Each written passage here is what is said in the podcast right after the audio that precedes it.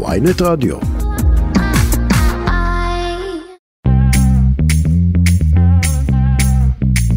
שלום לכם, אתם איתנו על כסף חדש, הפודקאסט הכלכלי של ynet, יום שלישי, שישה ביוני, אני רועי כץ. תכף ננסה לברר האם נקבל כבר בקרוב ריבית טובה יותר על הכסף שלנו בעובר ושב.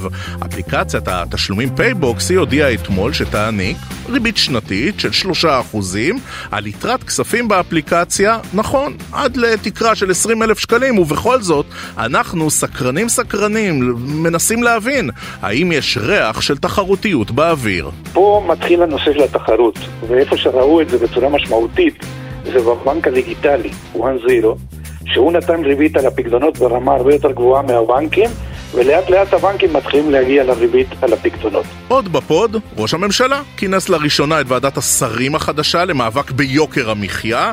עם הפרשן הכלכלי גד ליאור ננסה להבין האם זו ועדת שרים או אולי ועדת קישוט, ומתי, אם בכלל, נתחיל לראות תוצאות בכיס של כולנו. מה שהם מתכננים לעשות, יכולים היו לעשות לפני חמישה חודשים, ארבעה חודשים, לזה לא צריך ועדה. וגם, סוף שנת הלימודים כבר פה, וההורים, נכון, לא כולם, רוצים לפרגן ולהודות למורים, נכון, לא לכולם, אבל מה נהוג לתת למורה או למורה שהם אהובים ומוערכים? נעזר ביושב ראש הנהגת ההורים הארצית מרום שיף כדי לדעת מה נהוג לשים במעטפה. בדרך כלל זה שוברים, ואז מגיעים גם לשוברים של אלף שקל וחמש מאות שקל, כל מיני דברים שהם בעיניי. שובר של אלף שקל למורה או מורה? בואנה. זה שווה. כן, איך אומרים, אה, אני חושב שאנשים קצת איבדו את זה, כי אני חושב שזה לא לעניין. בסוף צריכים לתת משהו סמלי. כסף חדש, הפוד הכלכלי של ynet. יאיר חסון עורך את הפרק היום. סתיו בצללי, אביב ליבוביץ', הם על הביצוע הטכני, רועי כץ מאחורי המיקרופון, והנה, אנחנו מתחילים.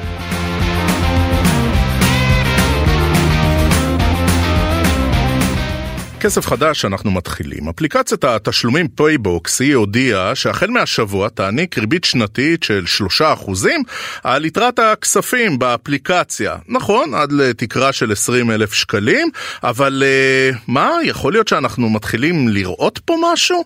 במקביל, הוגשה גם בקשה לאישור תביעה ייצוגית נגד בנק פועלים, בטענה שקיים הסדר למתן ריבית בחשבון או שנמצא בזכות uh, הקיים בבנק, אבל uh, לא מציעים את זה לכלל. על ציבור הלקוחות. בכלל, הסוגיה הזאת של אה, מה אנחנו מקבלים על העו"ש ועל הפקדונות, בזה אנחנו רוצים לפתוח את הפרק של היום. אומרים שלום לכלכלן מבית הספר למדיניות ציבורית וממשל באוניברסיטה העברית ירושלים. בעבר, מנהל חטיבת המחקר של בנק ישראל, שלום לדוקטור מישל סטרבצ'ינסקי. שלום רועי ושלום למאזינים. בואו נתחיל ב... אתה יודע, בשאלה הבסיסית. למה בעצם אנחנו לא מקבלים ריבית על כסף שיושב אצלנו בעו"ש, למרות שלפעמים זה, זה כסף משמעותי?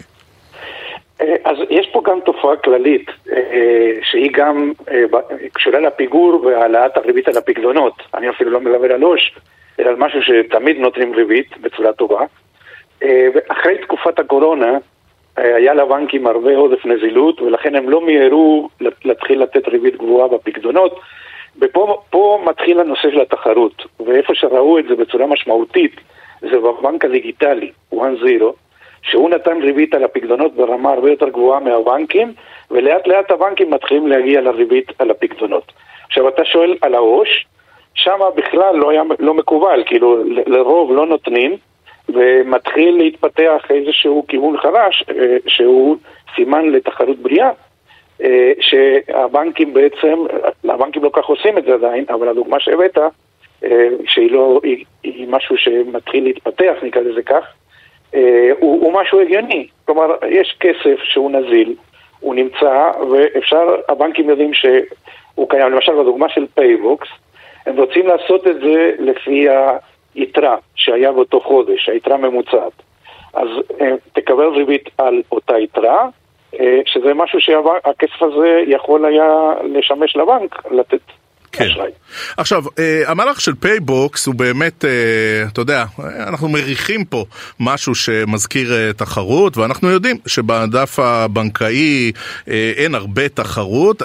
אתה מזהה פה משהו שהוא מעבר לגימיק? זאת אומרת, מישהו פה באמת בודק מה אפשר לעשות עם הישראלים, שאולי לא כל כך יודעים אפילו, שלא טוב שהכסף שלהם ישב בעו"ש, ויש פה משהו גדול יותר, או שאני נסחף? אה, לא, אני לא חושב שזה נסחף, אני חושב שמזה שמגיעים לאזור הזה, זה כבר אה, חדשות טובות. כן, אז הבאתי את הדוגמה עם הבנק הדיגיטלי בסיפור הרגיל, זה שקיים שנים רבות. בסיפור החדש הזה, אה, אנחנו מדברים על פייבוקס שהחלק הארי בבעלות זה, זה בנק דיסקונט, כלומר מדובר על תאגיד עזר בנקאי. ולכן הוא יכול לעשות את המהלך הזה. אה, כאשר מבחינת הלקוחות, אז זה בהחלט יכול למשוך אנשים לשים את הכסף שם, במקום שיהיה בעו"ש בבנק, הוא יהיה בפייבוקס, ובצורה כזאת אתה יודע שאתה אה, תקבל על כך איזושהי ריבית.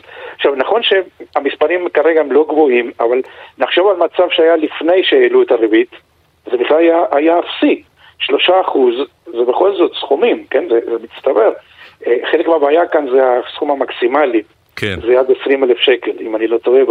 לא, לא, אתה לא טועה. אה, כן. אתה יודע, ציניקנים יגידו שזה בכלל מהלך שיווקי של פייבוקס, שאומרת, ככה אנחנו אה, נגרום לאנשים להתחיל להשתמש באפליקציה שלנו. כי אנחנו נותנים 3% ריבית שנתית עד, עד 20 אלף שקל, אבל יותר ויותר אנשים ידעו שאנחנו קיימים. יש יותר מזה, אם אני לא טועה, הם רוצים שאתה תנפיק כרטיס אשראי שלהם. זה גם תנאי של, של, כדי לקבל את זה. אז בכלל, כן. כן, כן, אבל בסדר, אבל זה עדיין במסגרת אותה תחרות, הם מנסים אה, לכבוש חלק מהשוק, כן? אז מבחינת הכללים זה משהו שהוא לגיטימי, אה, אז זה בכל זאת איזושהי התחלה. השאלה, האם זה יגרור לאחר מכן לתגובות ולשיפור במתן ריבית לגבי כספים בראש. בוא נדבר רגע על אה, הרגולטור בעצם, הוא בנק ישראל. Uh, אתה יודע, נשמעות עוד ועוד קריאות שאולי המפקח על הבנקים צריך uh, לחייב את הבנקים לשנות מדיניות.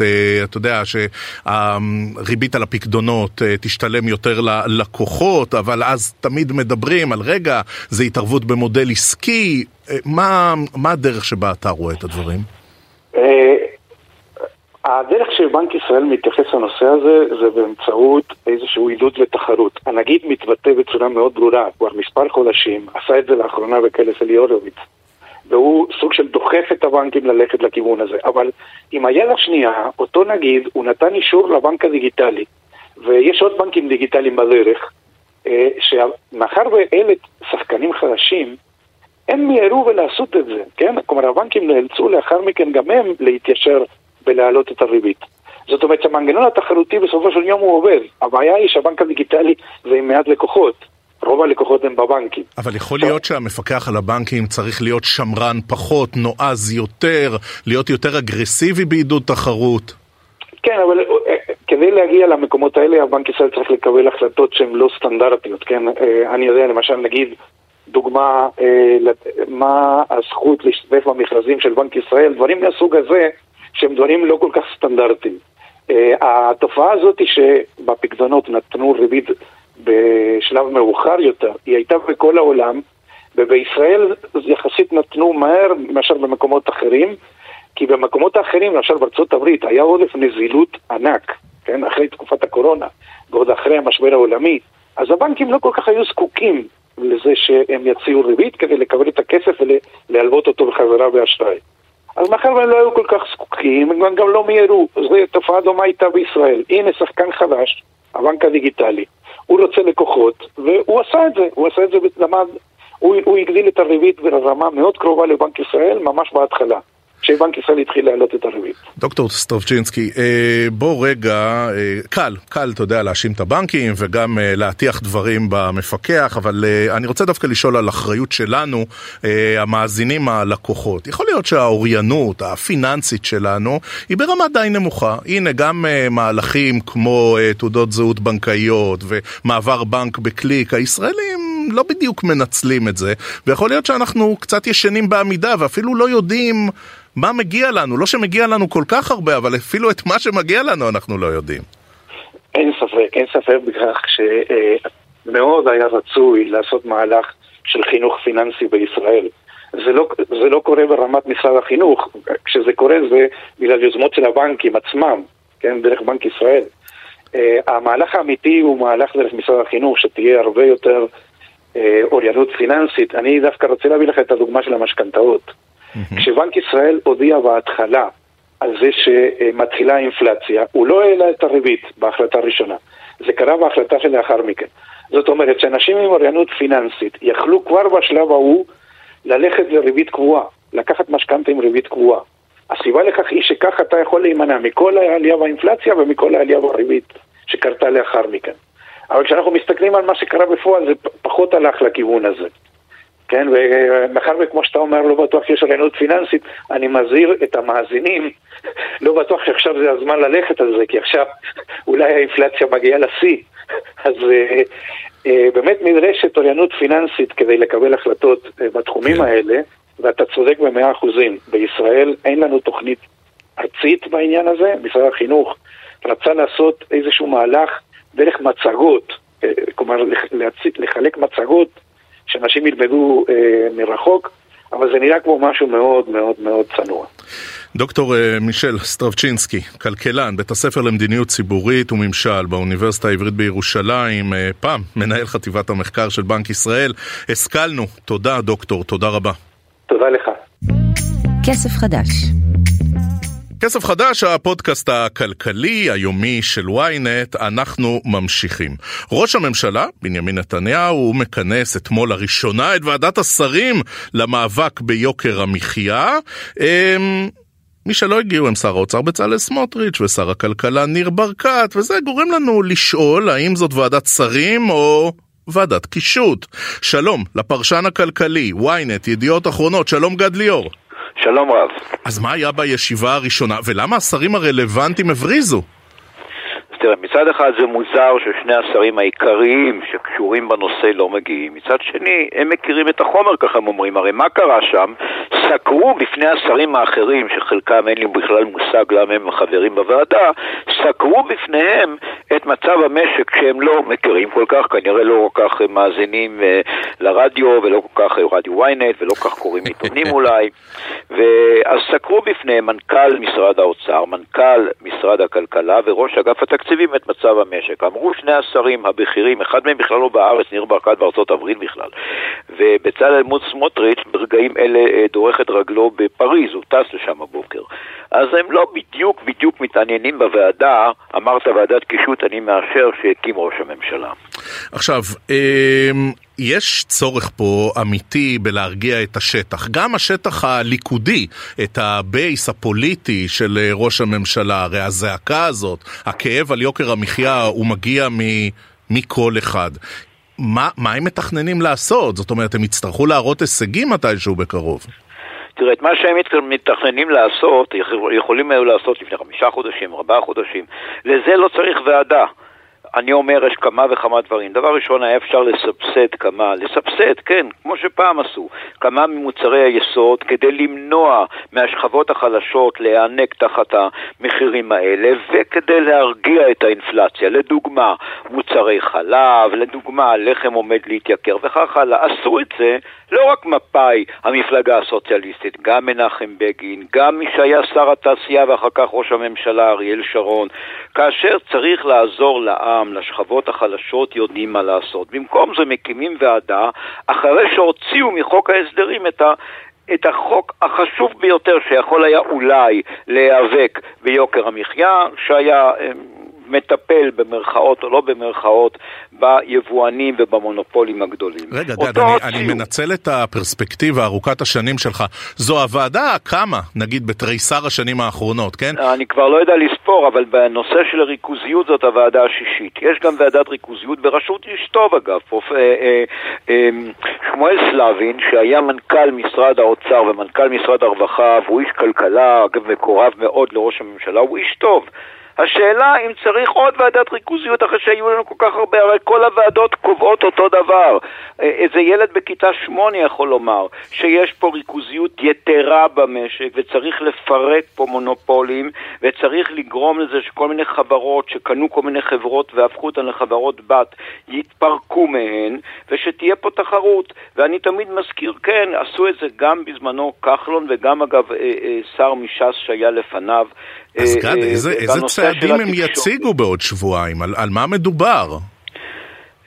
יכול להיות, אתה יודע, עניין של הצגת מחירים, עניין, כל מיני, אני לא רואה שזה מה שיחזיר אותנו ל, לאינפלציה נמוכה יותר, צריך לעשות פה כמה צעדים מהותיים, בין היתר, באמת להכניס כמה מוצרים נוספים, אני לא בעד פיקוח, אני בעד שוק חופשי, אבל אם אין ברירה, מישהו כבר אמר להכניס את הקולה, לא יודע אם את הקוקה קולה צריך להכניס את הקולה, גם חברות אחרות לפיקוח, אבל יש עוד מוצרים שפשוט מייקרים אותם כל הזמן, ואנשים קונים כל יום, זה מתחיל, ב, סליחה שאני אומר, בנייר טואלט, וזה נגמר אפילו בכל מיני כלים למטבח ודברים אחרים. כן. לא אומר להכניס אותם לפיקוח, אה, כלים למטבח, אבל לדאוג, יש חוק שהוא נקרא חוק של העלאת מחיר באופן בלתי סביר. זה חוק, אפשר להעמיד לפיו אנשים לדין. ואם חברה מסוימת קונה, סתם לדוגמה, כוס בעשרה שקלים ומוכרת אותה לרועי במאה שקלים, זה נקרא מחיר בלתי סביר.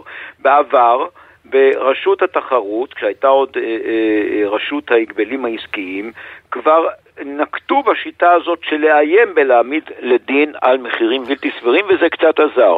אני אומר כן. שהאיום היום כבר לא כל כך עוזר, צריך לפעול. כן, טוב, תכף נדבר על היערכות, אה, אולי לסיום כהונה של נגיד בנק ישראל, אבל לפני זה אתה הזכרת שסמוטריץ' בפריז, למה הוא טס לצרפת? ואגב, אנחנו זוכרים את הביקור האחרון שלו שם. היה, הייתה שם איזה עניין, היה שם איזה עניין עם איזה מפה, טוב, אה, מה לא, הוא עושה בצרפת? כן, נכון, עם מפה הוא כל פעם מסתבך משהו אחר, פעם עם אנגלית לא רהוטה במיוחד, ופעם עם מפה שבה... אה, ארץ ישראל השלמה, כן. כמעט הביאה להחזרת השגריר הירדני מישראל בחזרה. כבשנו חזרה את הפרת והחידקל. כן, אחרי שגם ירדן נכללה במפה הזו בתוך מדינת ישראל.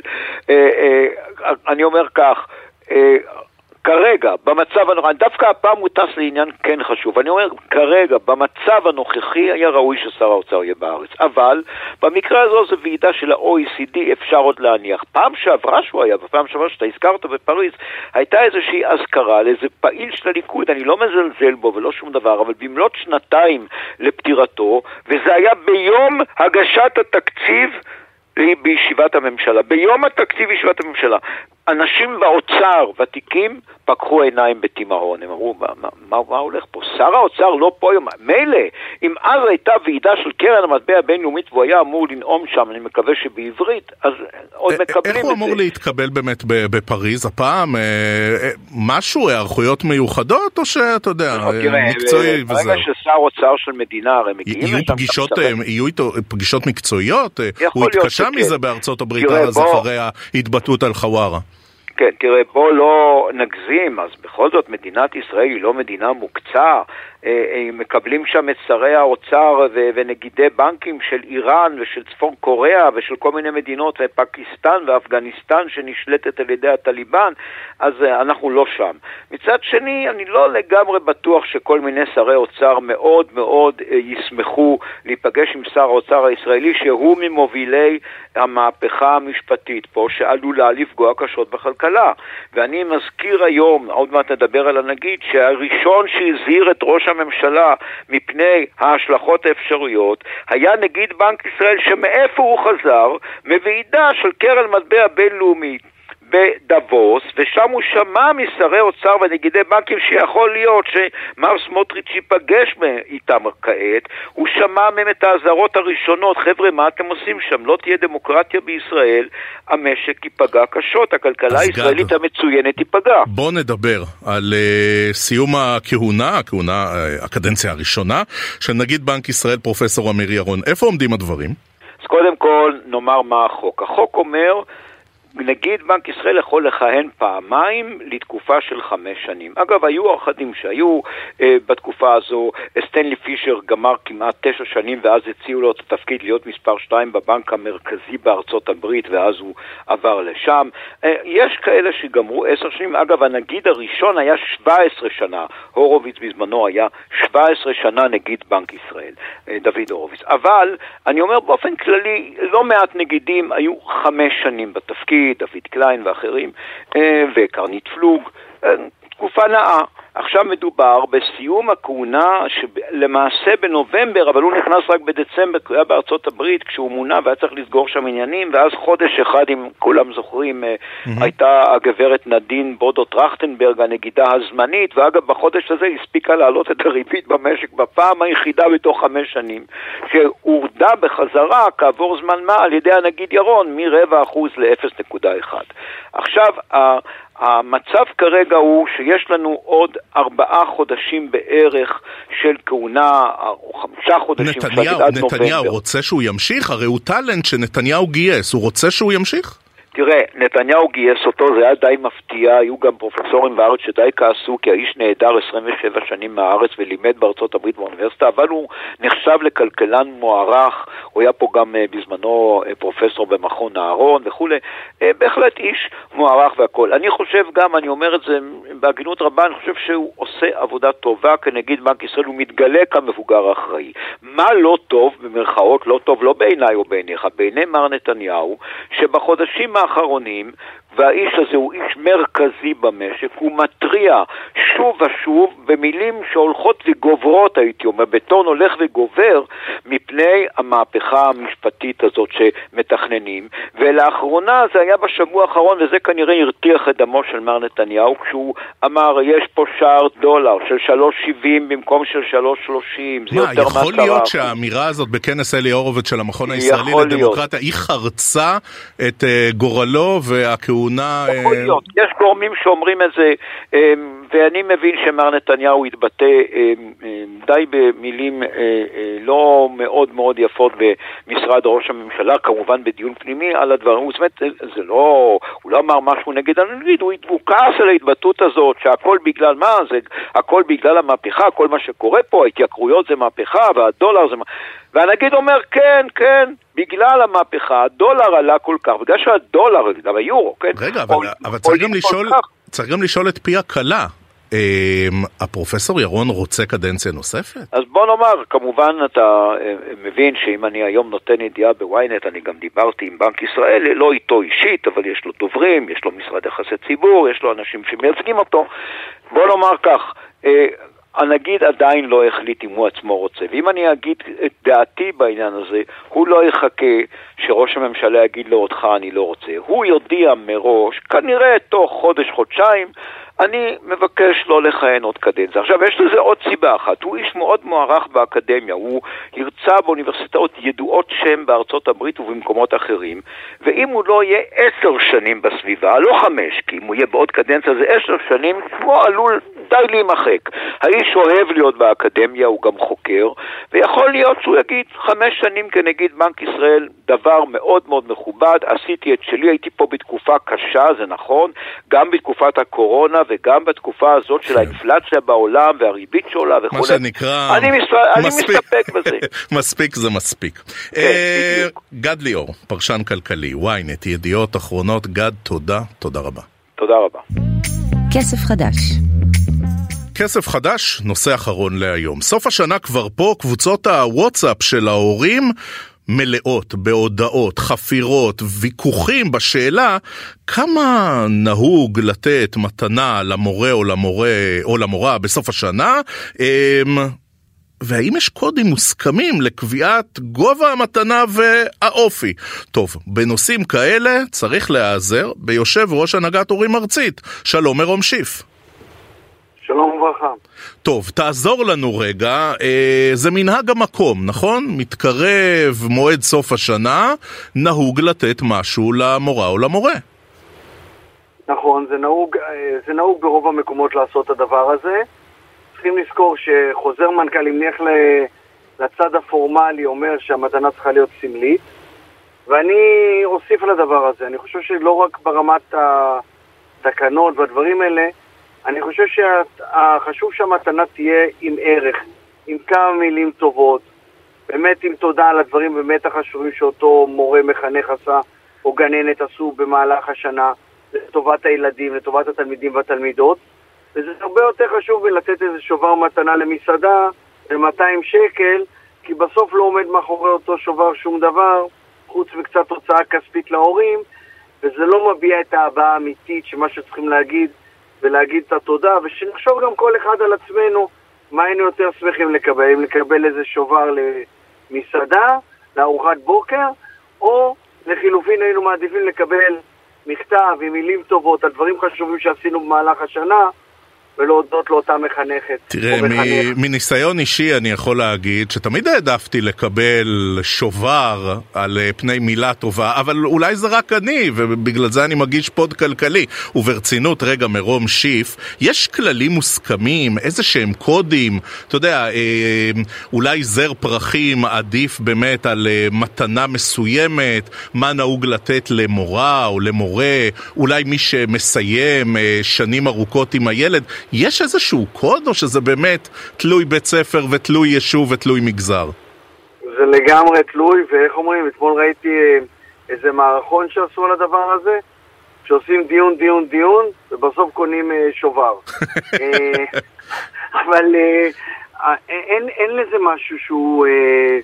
זה באמת תלוי, באמת, במסיבות סיום נותנים בדרך כלל פרחים, אבל זה באמת החלטה אישית של הכיתה, של ועד הכיתה, אין לזה מוש, שום משמעות אם זה זה או זה או זה, ובסוף צריכים לצרף לזה כמה מילים, וזה באמת החשוב באירוע, כי, איך אומרים, גם אתה, אני מניח, ועדיף שיצטרפו לדבר הזה. אני מניח שהיית בוחר אם היית יכול שובר או, או מילים חמות, היית רוצה שובר ומילים חמות. אז אם כבר עושים, אז בואו תמיד לא נשכח את המילים החמות, כי זה בסוף העיקר. אה, מרוב שיף, אתה מחובר לשטח ואתה מכיר את הדבר הזה ברמה הארצית. ספר על המתנות הכי מוגזמות ששמעת. אז בדרך כלל זה שוברים, ואז מגיעים גם לשוברים של אלף שקל וחמש מאות שקל, כל מיני דברים שהם בעיניי הזויים. שובר של אלף שקל למורה או מורה? בואנה, זה שווה. כן, איך אומרים, אה, אני חושב שאנשים קצת איבדו את זה, כי אני חושב שזה לא לעניין. בסוף צריכים לתת משהו סמלי, עוד פעם, ולחזור לשם. ואני חושב שבייחוד בתקופה הזו הכלכלית, שהיא לא תקופה קלה, היא תקופה מורכבת לכולנו, הם לא צריכים לבזבז סתם כספים, אלא להביא את המהות, והמהות היא המילה החמה, עם וזה משהו שיחמם את הלב. עכשיו תגיד, יש, יש באמת הבדל בין uh, מגזרים, נגיד מרכז מול פריפריה, uh, בזמנו היה נהוג, נגיד במגזר הדתי, גם החרדי, לתת uh, מתנה גדולה למורים דווקא בפורים. Uh, אנחנו מכירים הבדלים, איך, איך זה באמת בא לידי ביטוי? יש ברור שבכל רחבי מדינת ישראל כל אחד קצת נוהג שונה, אבל אני לא חושב שזה עניין של סוציו-אקונומי. הרבה פעמים זה מי שעומד בראש הוועד הוא... דוחף לאיזשהו מקום, ושאר ההורים נגררים גם שלא נוח להם הדבר הזה. כי בסוף, לא משנה לאן אנחנו הולכים, הולכים גם לשבוע של 200 שקל, להורה הבודד זה שקלים, כי כיתה היא בדרך כלל מעל 30 ילד, אז זה יוצא שקלים, וזה יוצא בכסף מוועד הכיתה, אז הוא לא בדיוק מרגיש שזה יוצא, כי הוא כבר שילם בתחילת שנה, אבל זה לא סיבה סתם לזרוק את הכסף, גם אין לזה שום אפקט, זה לא נותן שום דבר. רק אה, בעיני המתבונן שהוא חושב שהוא נותן משהו אם הוא יכתוב מכתב יפה, עם גם מתנה יותר קטנה, המורה ישמח. ידברו יש... קצת עם המורים שלהם, מה מחמם להם את הלב. כן, יש קצת uh, קינה, נגיד, אצל המורים המקצועיים, שלרוב לא מקבלים, uh, אולי יועצות, uh, מנהלים ומנהלות, כי הם בדרך כלל uh, לא כל כך מקבלים... Uh... לא, אני חושב שהיום נהוג גם לתת ליועצות, 아, כן, ובבתי אוקיי. ספר, בבתי ספר, לא פעם גם מתאמים את המתנות בין כל הכיתות, כדי שלא מורה אחד יקבל שובר כזה והשני יקבל שובר אחר, אלא באמת שכל אחד יביא משהו אה, די אחיד, ו... ואז גם נותנים למנהלת, אבל כמובן זה תלוי בית ספר וזה לא איזה משהו שהוא חוק וכלל, ואני חושב שזה גם יפה לבוא ולהגיד תודה למורה, בטח בסוף שנה, ובטח ובטח למורה שאתה מרגיש שהוא גם נתן לילדים שלך וחינך אותם ועזר להם במהלך כל השנה, ואני חושב שמרבית המורים הם כאלה. מרום שיף. והגננות. יושב ראש הנהגת הורים ארצי. תודה, תודה רבה שהצטרפת אלינו רבה. לכסף חדש, הפודקאסט הכלכלי. תודה, אדוני. תודה. אנחנו מסכמים את הפרק של היום, נגיד תודה ליאיר חסון שערך, סתיו בצללי, אביב ליבוביץ', הם היו על הביצוע הטכני, אני רועי כץ. מחר יהיה איתכם כאן מאחורי המיקרופון צחי שדה, שידבר על עוד הרבה הרבה דברים שמשפיעים על הכסף של כולנו, ועד אז, שיהיה לכם המון המון כסף חדש.